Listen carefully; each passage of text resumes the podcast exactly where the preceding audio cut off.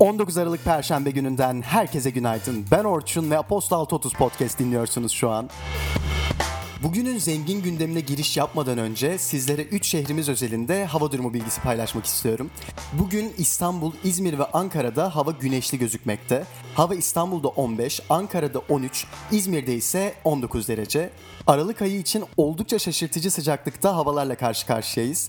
Umuyorum bu güzel havaların tadını bir şekilde çıkarıyorsunuzdur.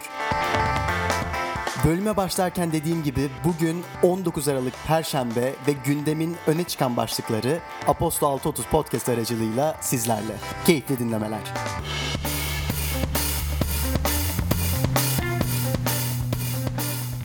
Piyasalar, ekonomi. Merkez Bankası, Ekim 2019 Uluslararası Yatırım Pozisyonu verilerini açıkladı. Verilere göre 2019'un ilk 10 ayında Türkiye'nin yurt dışı varlıkları geçen yıl sonuna oranla %8,1 artarak 247 milyar dolar düzeyinde olurken yükümlülükleri %1,8 azalarak 588 milyar dolar düzeyine geldi. 2018 sonunda 370 milyar dolar civarında olan net UYP açığı Ekim sonu itibariyle 341 milyar dolara geriledi. Kredi Değerlendirme Kuruluşu Moody's açıkladığı küresel ülke notları takvimine göre Türkiye'nin kredi notunu önümüzdeki yıl 5 Haziran ve 4 Aralık tarihlerinde güncellemeyi planlıyor. Bu yıl 6 Aralık'ta takvimde yer almasına rağmen güncelleme yapılmamıştı. Moody's son olarak 14 Haziran'da Türkiye'nin uzun dönem kredi notunu BA3 seviyesinden B1'e indirmiş, görünümü negatifte tutmuştu.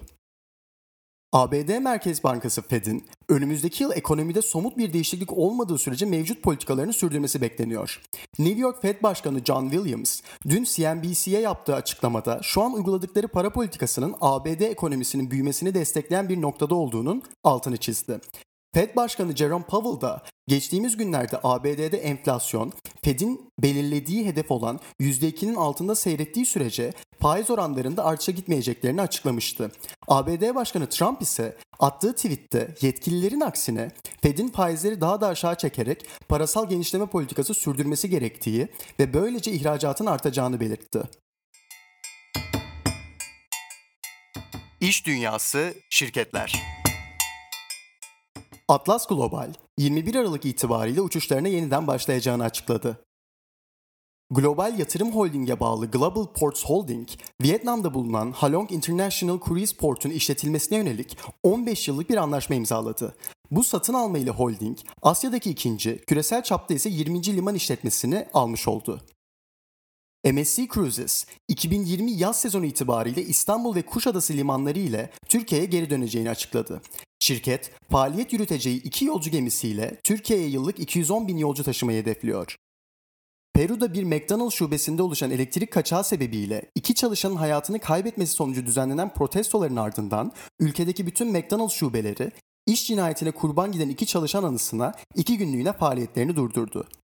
Amazon, kargo faaliyetleri kapsamında düşük bütçeli ticari havayolu şirketi Sun Country ile anlaştı. Peugeot'un sahibi olan PSA grubu ve Fiat Chrysler yaklaşık 50 milyar dolarlık yeni bir otomobil devi ortaya çıkaracak olan bir birleşme anlaşması imzaladı. Birleşmenin 12 ila 15 ay sürmesi beklenmekte. FedEx 2019 sonbahar döneminde 660 milyon dolarlık kar açıkladı. Bu rakam bir önceki yılın aynı dönemine kıyasla %40 düşerken yine aynı dönem aralığında şirketin satışı 17,8 milyar dolardan 17,3 milyar dolara geriledi. Samsung Electronics Yönetim Kurulu Başkanı Lee San-hun, sendika faaliyetlerini sabote ettiği gerekçesiyle 18 ay hapis cezasına çarptırıldı. Teknoloji Startup Wikimedia Vakfı tarafından Anayasa Mahkemesi'ne yapılan başvuru sonucu Anayasa Mahkemesi Genel Kurulu, Wikipedia'ya erişim yasağını yeniden ele almak için 26 Aralık'ta toplanacağını açıkladı. Finlandiya, geçtiğimiz yıl vatandaşları için kullanıma açtığı 6 haftalık yapay zeka kursunu ücretsiz bir şekilde bütün dünyanın kullanımına açtığını duyurdu. Kursa e-posta bültenimizdeki linkten göz atabilir veya kaydolabilirsiniz. Google, Amazon ve Apple, internet protokolüne dayalı küresel bir açık kaynak akıllı ev sistemleri protokolü geliştireceklerini açıkladı. Küresel bulut teknolojisinde Amazon ve Microsoft'un gerisinde olan Google, 2023 yılı itibariyle bulut servislerinde en büyük iki oyuncudan biri olmayı hedeflediğini belirtti. Otonom hava taşımacılığı girişimi Skyrise ilk otonom helikopterlerini tanıttı. Helikopterin öne çıkan özelliği ise diğer otonom dikey kalkış ve iniş yapabilen hava araçlarının aksine mevcut bir helikopter modelinin sonradan düzenlenen parçalar ile otonom hale dönüştürülmüş olması. Instagram, tek bir hikayede birden fazla fotoğraf paylaşabilmeyi mümkün kılan yeni güncellemesini duyurdu. Bir adım geriden konuya yaklaşacak olursak eğer, şirket geçtiğimiz dönemde Snapchat ve TikTok benzeri uygulamalarla rekabet edebilmek adına hikaye bölümüne Reels ve Create Mode gibi özellikler eklemişti. Beyne elektrik uyarımları göndererek beynin performansını arttırmayı hedefleyen girişim Nowham, araştırmalarını ilerletmek için 2,6 milyon dolarlık yatırım aldı. Ticari topluluk alanlarına enerji sağlamak amacıyla güneş enerjisi sistemleri üreten Nijeryalı girişim Rensource Energy, Afrikalı yatırım grubu CRE Venture Capital tarafından 20 milyon dolarlık yatırım aldı. Politika Birleşmiş Milletler Cenevre ofisinde gerçekleştirilen birinci küresel mülteci formuna katılan Cumhurbaşkanı Recep Tayyip Erdoğan, etkinlik sonrasında basın mensuplarına verdiği demeçte, olası ortak girişimleri görüşmek için Libya'nın Trablus merkezli hükümetinin lideri Fayaz al-Sarraj ile bir araya geldiğini ve Ankara'nın güvenlikle dahil olmak üzere çeşitli konularda yardım etmeye hazır olduğunu belirtti. Hindistan Yüksek Mahkemesi, şiddetli protestolara sebep olan yeni vatandaşlık yasasının uygulanmasının durdurulması yönündeki temiz başvurusunu reddetti. Ancak mahkeme önümüzdeki ay toplanarak konuyu tekrar görüşecek. İtalya'da özel mahkeme, Lig Partisi lideri ve eski İçişleri Bakanı Matteo Salvini'nin yargılanmasını önerdi. Almanya şansölyesi Angela Merkel, çarşamba günü yaptığı açıklamada ABD'nin kuzey yakımı 2 doğalgaz boru hattını inşa eden şirketlere yaptırım uygulama kararına karşı misillemede bulunulmayacağını belirtti.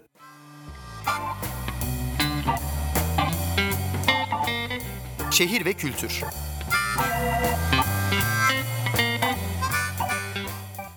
Almanya ve Fransa Dışişleri Bakanlıkları tarafından verilen Alman-Fransız İnsan Hakları ve Hukuk Devleti Ödülü, Türkiye'den Anadolu Kültür Genel Müdürü Asena Günal'a verildi. Günal, 2008 ila 2018 yılları arasında Tophane'de yer alan kültür mekanı Depo'nun program koordinatörlüğünü yapmıştı.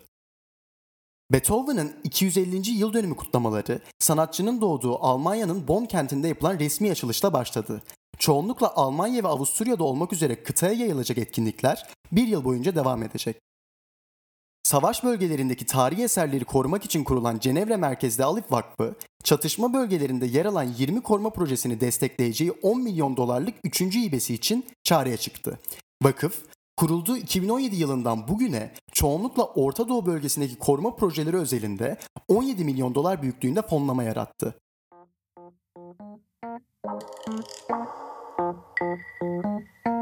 Spor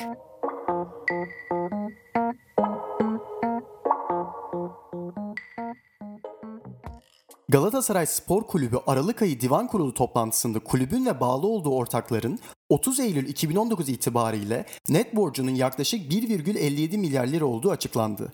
Haziran ayında açıklanan borca göre kulüp borçlarını bu çeyrekte 42 milyon lira azaltmış oldu. ESPN'e göre Arsenal'ın yeni teknik direktörü Mikel Arteta olacak. 37 yaşındaki antrenör, Barcelona altyapısından yetiştikten sonra İngiltere'de Everton ve Arsenal formaları giymiş, Arsenal'daki 5. sezonun ardından futbolu bırakmıştı. Arteta, 2016 yılından bu yana ise Pep Guardiola yönetimindeki Manchester City'de yardımcı antrenör olarak görev yapıyordu.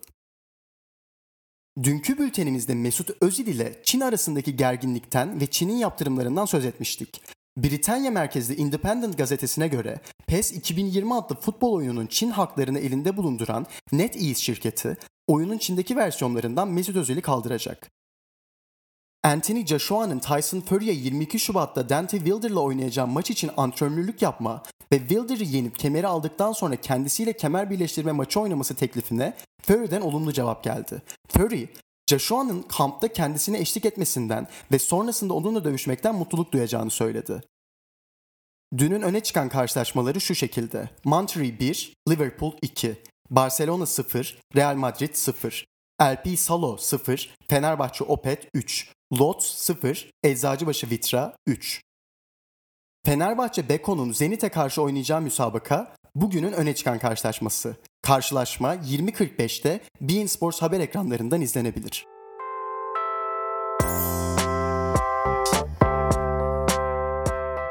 19 Aralık Perşembe gününde gündemin öne çıkan başlıklarını Aposto 630 Podcast ayrıcalığıyla dinlediniz. Ben Orçun, umuyorum ki bölümden keyif almışsınızdır. Yarın yani tarihler 20 Aralık Cuma gününü gösterdiğinde Aposto 630 Podcast'in alışılmış saati olan sabah 6.30'da tekrardan gündemin öne çıkan başlıklarıyla sizlerle olacağım.